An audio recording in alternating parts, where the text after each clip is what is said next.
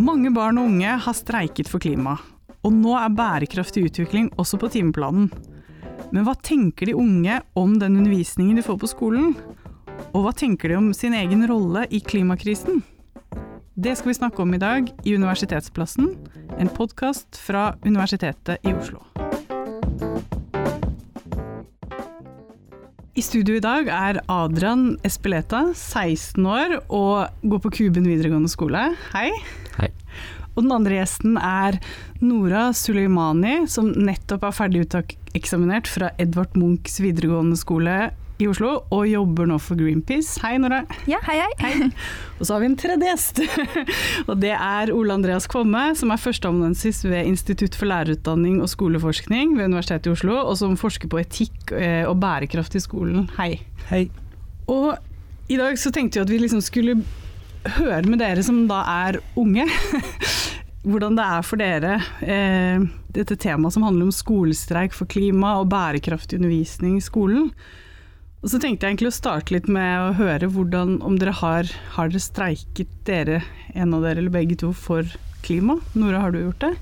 Ja, eh, jeg har gjort det. Altså, jeg begynte i 2019, når vi alle starta å streike. I mars, faktisk 22. mars. Jeg husker den dagen. Eh, ja, det var veldig gøy, fordi uh, akkurat den dagen, måten vi starta på, at vi engasjerte uh, sånn Elevrådet engasjerte alle elevene på, på skolen vår, og vi gikk samlet og streika. Uh, den fredagen, i hvert fall. Og jeg syns det var måte, jeg, fikk, jeg fikk en sånn skikkelig følelse av sånn fellesskap, at vi gjorde det sammen, og det betydde så mye. For meg, i hvert fall. Og, og den dagen vi streika, hvis i hvert fall minst kanskje 80, for å ikke si mer, prosent av eh, elevene på skolen den dagen, så det var veldig gøy. Og det er veldig få elever som var igjen på skolen den dagen, så det er i hvert fall i samfunnsfagtimen min den dagen snakket de også om klima, selv om de ikke var med på streiken. Så det var ja, mm. veldig gøy å høre. Mm. Kan jeg spørre deg hvorfor du streiket for klima? Jeg streiket fordi jeg føler at jeg alltid har vært engasjert. og Jeg fikk måte, muligheten til det når jeg liksom sa at andre skulle gjøre det. Så var jeg sånn OK, dette er en veldig god mulighet til å vise politikere at dette må vi ta på alvor. Klimakrisa, klimakrisa er her og må behandles som en krise. Så ja, det var bare en super mulighet for meg å, å gjøre det. Mm. Og Adrian, må spørre deg, har du streiket for klima? Nei, det har jeg ikke gjort. Nei? Kan jeg spørre deg hvorfor ikke? Fordi det var midt i skoletida, og jeg tenkte at eh, vi skulle lære mye verdifullt i timene, og at det er et fravær som ikke hadde påvirket vitnemålet mitt helt, men ja. Mm. Jeg skal ikke spørre deg da, Ole Andreas, om du har streika for klima, men, men du har forska litt på dette? Ja, jeg har, jeg har, vært veldig opptatt av eh, etikk og verdier knytta til bærekraftundervisning. bærekraftig undervisning. Og da er noe av det som er interessant med skolestreikene, det er hvordan ikke minst figurer som Greta Thunberg har appellert til verdier som å ta vare på kloden i dag og i fremtida. Og de er jo nedfelt i FN-konvensjoner, og alle er jo egentlig enige om de verdiene. Så på sett og vis så er det, i hvert fall hvis man snakker generelt, vanskelig å være uenig i det anliggende som skolestreiken er et uttrykk for. Og så eh, blir det likevel eh, uenighet og kontroverser når, når ting blir konkret. Og, og, skolestreik som virkemiddel har jo, har jo mange sider ved seg som er, er, interessante og også problematiske. Jeg har vært lærer i mange år, og jeg vil jo sjøl at uh, elever er på skolen og ikke holder på med andre ting når det er undervisning. Men samtidig så ser det ut som at, at skolestreikene rett og slett har blitt et, et, symbol også på at noe er veldig feil. Og at noe må skje. Så sånn sett så blir jeg nysgjerrig på, på deg, Nore, når du, når du sier det at du, du, ble, du, opplevde det som viktig for deg. En, det var en viktig erfaring å streike sammen med, med flere andre. Men men det har jo også det er jo sider ved skolestreikene som er problematiske. Eller hvordan, hvordan vil du liksom begrunne eller forsvare skolestreikene overfor voksne som sier at ja, men Nora, du bør holde deg på skolen? Altså, jeg syns jo at klimastreiken var så viktig at jeg var villig til å ofre min undervisning og skoletimer til dette. Og det er derfor det er en streik. ikke sant? Vi skal jo få fravær, og det skal jo ha konsekvenser. Uh, hvis ikke så hadde det liksom ikke vært så viktig. Ikke sant? Og um, når så mange streiket, så ser jo på en måte politikere at ok, uh, unge og bar barn og unge er villige til å ofre så mye at de liksom Ja. Ja, det var så viktig for meg, i hvert fall. Og, og det var jo skolen min, da, for å ikke skryte så mye ut av den. Uh, jeg, vi er en grønn skole. Vi har alltid vært opptatt av, av klima og miljø. Selv lærerne har alltid vært sånn opptatt av det òg. Og når vi skulle streike, i hvert fall de første dagene, så spurte læreren vår, jeg, for de hadde jo hørt det i media og sånt. Og uh, vi hørte også lærere som skulle streike med sine barn også. Og det var jo Ja, det fikk oss til å liksom være enda mer engasjerte, for å si det sånn. Så mm, ja. Men Ole Andreas snakker jo også litt om det der forholdet mellom at skolen da skal undervise dere i bærekraft, eh, og også samtidig så er det da noen som velger å gå ut av skolen og streike. Så jeg er litt nysgjerrig, jeg kan starte med deg Adrian. Altså, hvordan har, hvis du kan fortelle litt hvordan undervisningen i bærekraft har vært på din skole? Hva er det dere har lært, eller hva er det dere har gjort i timen når dere har hatt om bærekraft? Så på min skole, da på Kuben videregående skole, så har vi hatt et prosjekt, Kuben knekker kurven, hvor vi selv har eh, gjennomført noen oppdrag som vi, som vi Der vi ble delt inn i grupper, og vi lagde et spesielt tiltak som vi skulle fordype oss i. Og jeg tenkte at det var noe interessant, da, siden vanligvis så pleier vi elever å sitte bak pulten og høre på hva læreren sier, men denne gangen så fikk vi ta litt initiativ, da, og faktisk gjennomføre noen oppdrag som å intervjue eh, dagligvareledere, som Kiwi-sjefen, om hvorfor plastikksugerør har blitt erstatta med papirsugerør. Og jeg følte jo at vi selv tok initiativ istedenfor å bare, bare høre på at det er en global oppvarming. Så jeg tenker at undervisningen har blitt mye bedre mm -hmm. enn før.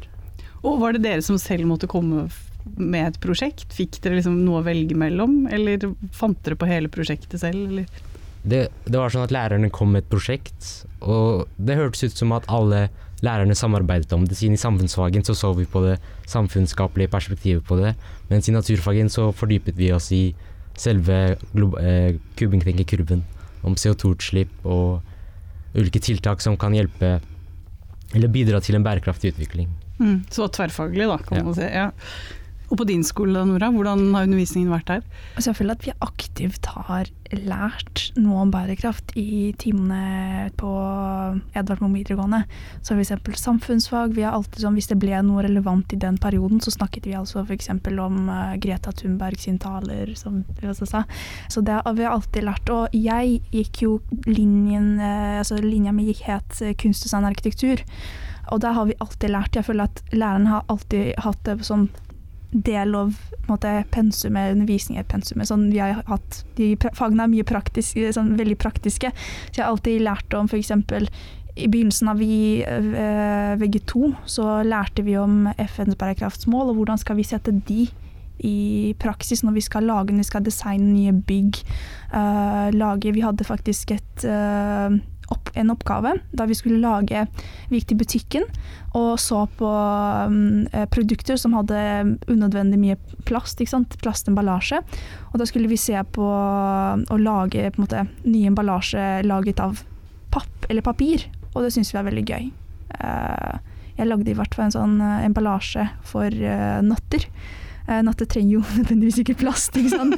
Og det trenger sikkert ost, eller kanskje ikke, hvis jeg tar feil. Men um, vi har alltid hatt sånn nå, f.eks. Nå hadde vi en siste oppgave i valgfaget kunst og, skapende, het finalemateriale, da vi uh, absolutt skulle bruke bare uh, materiale laget av sånn, materiale fra naturen, liksom. Vi skulle mm. lage våre egne farger, vi skulle bruke planter i hva som helst, bare ikke f.eks. Uh, eh, ikke akrylmaling, for det er jo ikke miljøvennlig. Og du Adrian, du sa at du syns at undervisningen har blitt bedre. Uh, ja, du nikker. og, og Nora, du, er dere, altså, dere er fornøyd begge to med undervisningen dere har fått i bærekraft på skolen? Jeg føler at jeg, jeg er fornøyd, for jeg, jeg, føler at veldig mange på min alder er allerede engasjerte uh, i bærekraft, i miljø og alt. Vi bare trenger på en måte å kanskje få litt mer Gjøre litt mer sånn noe mer i praktisk, praksis, som Adrian også nevnte. At vi skal gjøre sånn type uh, intervjuer og ikke sant? mye sånn forskjellig, sånn at vi skal på en måte få muligheten til å uttrykke, uttrykke oss i både hos på en måte, voksne ikke sant? og media og alt det der, sånn at vi får vist måte, det vi kan. Fordi jeg føler at ganske mange i vår eh, generasjon er opptatt av klima og miljø. Vi må bare få vist at vi kan gjøre en endring. Og vi er jo de, vi er vi som kommer til å ta over, på en måte. Uh, ja, i framtida. Og det, ja. Vi må rett og slett ha, ha en uh, levelig klima. mm. Et tema som blir mye diskutert blant forskere som er opptatt av dette her, det er hvordan skal skolen på en måte forholde seg til at når man gir kunnskap om uh, klima mm. og sånt, så er det jo egentlig nokså dystre fremtidsutsikter hvis man ikke får til en endring. Uh, og hvis man snakker veldig tydelig om det, så kan det ta motet fra folk. Sant? Altså at man kan oppleve at ja, det her er så svært og tungt og stort at man, uh, at man ikke mister trua på fremtida. Så det, en del sier det at det må vi ta på alvor. Og så er det andre som sier det at ja, vi må snakke sant om det som skjer, og det er kjempeviktig. Uh, hva tenker dere om, om, om det temaet? Altså, det problemet? Om akkurat det er jeg enig i. At vi må jo ta det på alvor og snakke sant. Uh, men det er jeg enig i at det kan bli tungt. Jeg føler at liksom, det kan være et sånn eh, vanskelig psykisk også for veldig mange. Jeg snakker veldig mange forskjellige mennesker på jobben min også. Eh, av alle aldre, rett og slett. Og det føles jo veldig mange sier at de er, måte, er, de, er engstelige for fremtiden. Vi vet ikke hvordan det blir. Eh, og hvis vi tar det på alvor nå, så er jo kjempe, kjempebra. Men hvis ikke, så må vi Det blir jo rett og slett eh, tungt for oss som tar over på en måte jordkloden, ikke sant. Um, ja, så det er jo min mening. Og jeg tenker det samme, om at det er et ganske stort ansvar for oss unge å skaffe en bærekraftig framtid, men at vi selv kan innføre sånne små tiltak i hverdagen. For vi må ikke eh, presse på å ta de vanskeligste avgjørelsene i hverdagen, men heller ta litt enkle løsninger, da, som være vegetar veg eh, vegetarianer for en uke eller en dag, kildesortere, ikke bare kaste søpla på bakken. Sånn. Disse små tingene gjelder, hva heter, gjelder jo. Fordi det er ikke bare eh, stemmen til en politisk leder um, som avgjør om vi får en bærekraftig utvikling eller ikke, men det er jo disse små avgjørelsene vi tar i hverdagen. Og det kan jo samles om til en stor mengde avgjørelser. Og det kan jo påvirke klimaet spontant, hvis vi alle samarbeider. Mm. Jeg er enig i at vi må gjøre måte, Vi som enkeltindivider må ta litt ansvar og kanskje spise litt mer grønt og ikke kaste mat og resirkulere og kjøpe brukt, alt det der. Og jeg gjør veldig mye. Selv jeg er veganer, jeg gjør på en måte Ja, jeg kjøper mye brukt, jeg gjør alle disse tingene, men det kan føles som veldig mye uh, til tider. At det blir for mye ansvar. Og jeg syns i hvert fall at uh, politikere må ta rett og slett litt mer ansvar. Og at vi må presse politikere til å ta litt grønnere valg. Og valgkampen nærmer seg. Og da håper jeg virkelig at vi får et um, grønnere regjering som måte, kommer til å ta dette på alvor. At de, gjør, eh, de kommer til å gjøre det lettere for, for, å være miljøvennlig, rett og slett. Fordi jeg har hørt av veldig mange mennesker når jeg, når jeg sier sånn, jeg er veganer, jeg gjør det og det, men er ikke det vanskelig, er ikke det dyrt? Og jeg er sånn, ikke nødvendigvis, men det er jo fordi kanskje jeg er Kanskje jeg er privilegert til å gjøre alle disse valgene, men det er ikke alle. Um, og ja, vi må rett og slett gjøre det lettere å være uh, miljøvennlig og bærekraftig. Men det dere sier nå, så bare blir jeg litt nysgjerrig, for nå snakker dere om litt sånn på individnivå, på en måte, altså hva dere kan mm. gjøre. Men da blir jeg nysgjerrig på den undervisningen dere har fått på skolen. Hva, hva har dere opplevd at læreren liksom, eller skolen har sagt at hvem, hvem, har på en måte ansvaret for at vi skal få til en endring? Eh, hvem er det dere opplever at man som, hvor, hvor, må endringen til? Da? Hva er det dere har lært om det på skolen? Mm, jeg føler endringen bør skje hos de som er troverdige, da. Fordi hvis, hvis foreldrene dine hadde sagt til deg du må ta mer bærekraftige valg, da hadde du mest sannsynlig gjort det. Men hvis du hadde hørt det fra vennen din, da, da hadde du sikkert ikke tatt det på lik alvor som du hadde tatt fra en troverdig kilde. Så jeg tenker at disse politiske lederne, eller lærere på skolen, bør behandle klimaendringer som en krise. Og oppfordre elever og de yngre da, som hører på dem, og tar mer bærekraftige valg. Så gå foran som gode forbilder, rett og slett. Da. Ja. Og du da, Nora? Jeg syns også at gode forbilder er viktige akkurat det temaet her. Men uh, ja, altså på skolen vår så har vi jo lært veldig mye om hvordan vi som enkeltindivider kan gjøre uh, mye bra for klimaet. Men uh, igjen, til syvende og sist, sist, så har vi lært at det er politikere som må ta mer ansvar. Mm. og det er jo vi som bestemmer på en måte, hvem skal styre landet, hvem skal sitte i Stortinget, på Stortinget, ja. Så da, det er i hvert fall det vi har lært på skolen. Mm. Mm. At, en ting jeg sitter og, og lurer litt på, Nora, det er mm. om skolen har noe å lære av skolestreikene? Um, jo. Helt klart. uh, jeg tenker jo det fordi um, de ser jo, Det kommer jo an på hvilken skole og hvor mange elever har streika på den skolen. Uh, rett og slett. Uh, så hvis det er en skole som har hatt måte, veldig mange elever som har streika samtidig. Uh, så ser de at ok, vi må, gjøre, vi må, gjøre, en endring. Og på skolen min så har vi sett at det har vært nødvendig å, nødvendig å bli en grønn skole. Og da har vi gjort veldig mange tiltak som vi har fått til resirkuleringsopplegg, hvor vi skal kaste søpla, og pantestasjoner og mm. Og selv fordi jeg har sittet i elevrådsstyret og da har vi jeg har hatt, hatt, mye kontakt med ledelsen på skolen. Uh, og de har selv vært opptatt av, av å gjøre på en måte uh, Av at vi skal bli hørt. Uh, så mm. Så det tenker jeg Ikke minst undervisningen, f.eks. Altså undervisning som, som, som, som blir tapt pga. Uh, streiken. Og det er jo det er veldig symbolisk, syns jeg. Det er veldig viktig. Mm. Og historisk, til og med. Ok, da har vi byttet uh, den jeg vet ikke om jeg skal si forskergjesten, men den eldre gjesten. Uh, og nå har da Ole Andreas kommet, gått ut av studio, og inn har da Marianne Guruby kommet. Hei. Hei, hei. Jeg skal kort introdusere deg. Du er molekylærbiolog, lærer og formidler ved Klimahuset, og der underviser du unge mennesker om klimaendringer. Mm. Kanskje du bare kort skal si litt mer enn det jeg sa nå om Klimahuset, hva dere driver med? Ja. Vi er en del av Naturhistorisk museum, så vi ligger på Botanisk hage, Tøyen i Oslo. Og vi var helt nye i fjor, akkurat fylt ett år. Og vi, eh, vi har et eh, bygg som er 100% dedikert til å formidle forskningsbasert kunnskap om klima, miljø og bærekraft. Egentlig. Mm. Ja.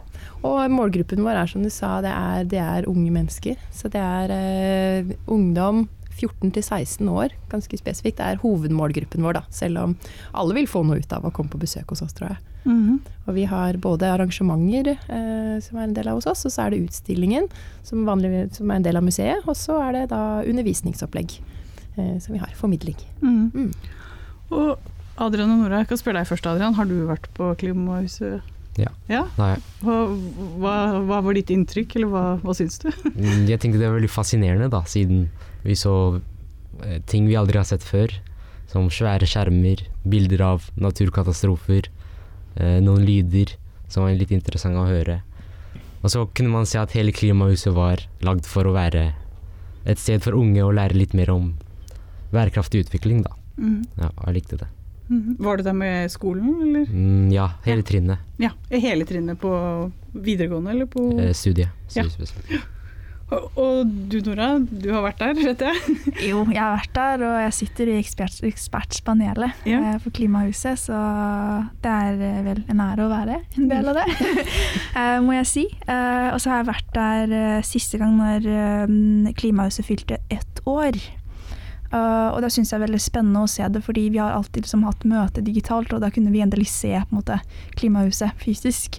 Og det var veldig spennende å se, det var kunstnerisk og jeg syns også det var veldig koselig. Sånn velkommen, det er et lite sånn sted. Og ja, som Adrian også sa, det var på en måte å kunne se på en måte de eh, klimaendringer eh, visualisert i på en måte i sånn kunstnerisk måte. Det var veldig, veldig gøy. I og med at jeg går kunst, så var jo det veldig inspirerende og, mm.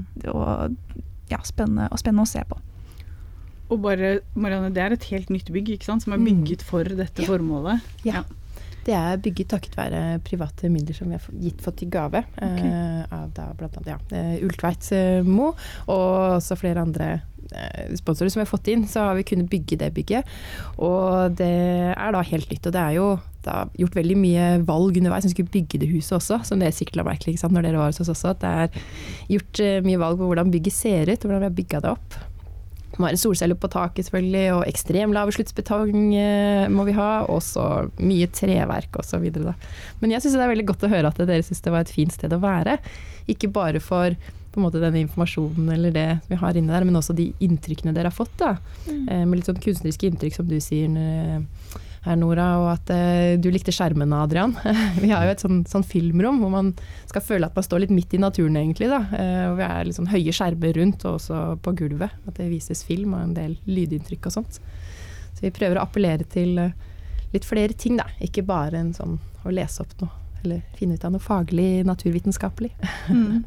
Og så sa jo både du Adrian og du Nora at det dere likte med undervisningen i bærekraft, eh, sånn som jeg forsto det, var også litt det å komme seg litt ut fra klasserommet og det å gjøre noe konkret eh, og praktisk. Eh, og det er jo også Klimahuset, altså da drar dere jo ut dit. Er det noe av tanken bak også, Marianne? Altså det med å formidle det på en litt annen måte enn bak en skolepult, liksom? Eller foran en skolepult, heter det vel. Ja. Mm. Mm. Ja, vi, vi er jo Vi prøver å kunne tilby en helt unik opplevelse da, med å komme til oss. Altså, unike inntrykk og sanseopplevelser og sånt som er hos, eh, hos oss. At vi skal være en alternativ læringsarena, egentlig. Og så er jo også min, mitt håp og tanke at også eh, lærerne tar med seg det her eh, besøket hos oss inn i undervisningen i etterkant. Da. Eller både før og etter. At det kan være for- og etterarbeid som kan liksom sy det her litt sammen i et litt sånn større prosjekt rundt bærekraftig utvikling. Men det høres ut som dere har jo veldig god erfaring fra begge deres skoler da, med bærekraftprosjekter. Eh, og, og også hvor det liksom har vært litt sånn ute i verden, på en måte. det, tror dere det er viktig? At, eh, at dere lærer om det litt sånn utenfor bare klasserommet? Jeg, jeg, i hvert fall jeg syns det er superviktig. Liksom, jeg, det gjør på en måte hele opplevelsen mer sånn morsom og det er gøy. Og man føler at man gjør faktisk noe, ikke bare sitte og høre på. Det er ikke alle som liker det. Ehm, så ja. Jeg er veldig, veldig glad at Klimahuset har et tilbud, og jeg syns det kan være en fin, fin sted både for bare barn og ungdom å, å lære om klima, men også et fint sted mot å være sånn et møtepunkt mellom voksne og, og, og, og ungdom. Mm. Ja, jeg er helt enig. Jeg tenker også det er viktig å faktisk være til stede og se hva som faktisk skjer, og, enn å bare sitte bak pulten og høre på hva læreren sier. Men så har jo også de lærerne dine vært veldig flinke til også å dra inn sånn andre bedrifter og sånne ting. Hørtes ut som dere hadde vært litt i kontakt med det, Adrian, var det ikke det? Ja. Mm. Tilfører det noe ekstra, tenker du, eller? Mm, Ja, fordi vi får jo høre fra troverdige kilder, da.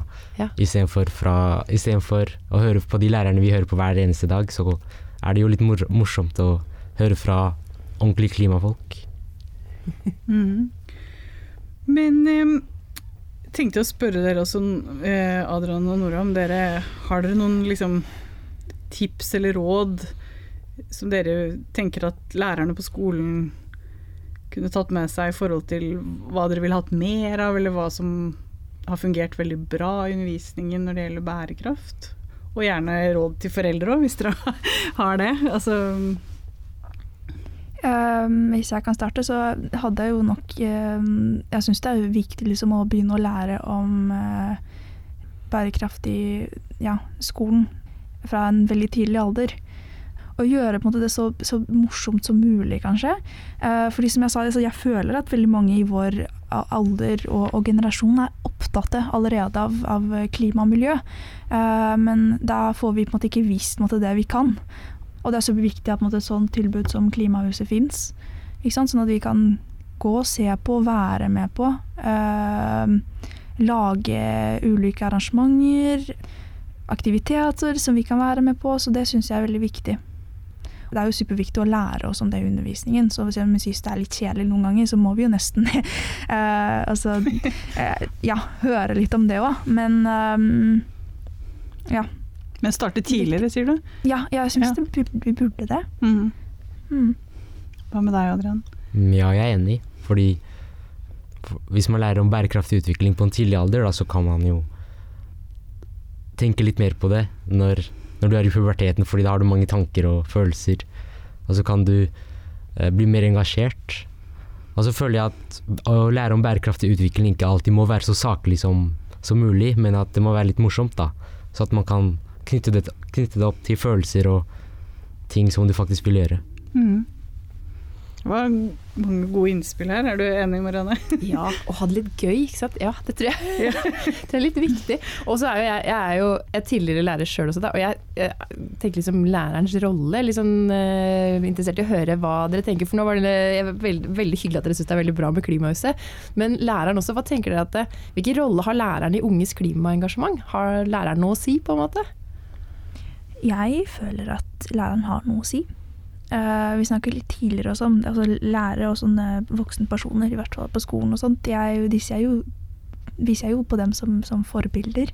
Mm. Uh, så jeg føler at når, uh, som jeg sa tidligere, når min lærer også sa at hun skulle også være med på streik, så ble jeg sånn OK, dette er dette liker jeg.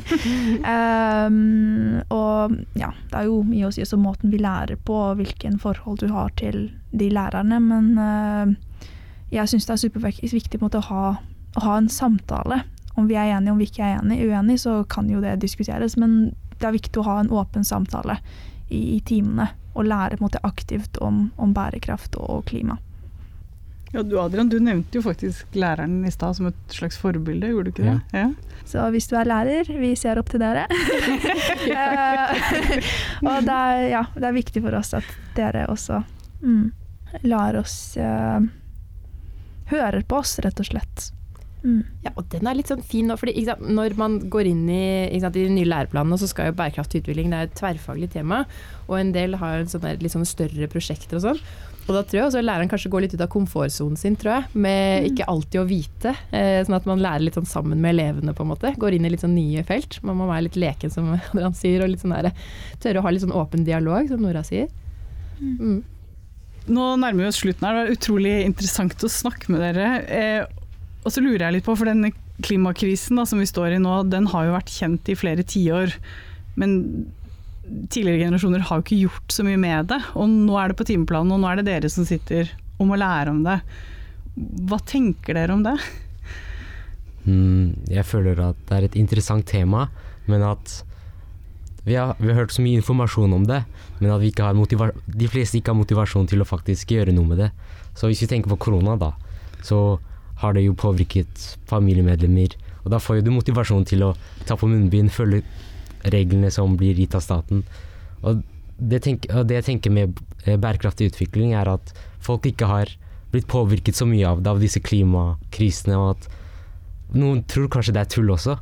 Så jeg føler at det er viktig at alle sammen tar ansvar, selv om det ikke er helt Selv om det ikke gir, gir helt mening, da. Mm. Mm. På jobben min så møter jeg veldig mange forskjellige folk av forskjellige aldre, eh, ikke sant. Og når jeg snakker med de liksom, eh, eldre generasjonene, så er det sånn jeg har inntrykk av at jeg får eh, en følelse av at de har en, en sånn skyldfølelse, at de ikke har gjort noe eh, noen ganger. Og så, er det sånn, så kommer det en kommentar ja, men eh, stå på, eh, ikke sant. Men det er ikke bare å stå på. da trenger vi alle med på laget for faktisk gjøre en endring. Så um, alle stemmer tels, tenker jeg. Uh, mm. Så jeg vil bare si at altså, det klimaengasjementet og alt vi snakker om bærekraft, det, der, det, er ikke, det er ikke en trend, det er ikke en fase. Det er bare starten på en ny ja, ny new era, for å si det sånn. uh, så ja, jeg mm. Ja, men Det var uh, fine ord å avslutte med. Tusen takk for at dere kom uh, hit til Universitetsplassen, Nora Suleimani og Adrian Espeleta. Takk skal dere ha. Takk. takk. Du har nå hørt en episode av Universitetsplassen, en podkast fra Universitetet i Oslo. Du finner oss der du lytter til podkast. Mitt navn er Elise Koppang Frøyd. Takk for nå. Vi høres.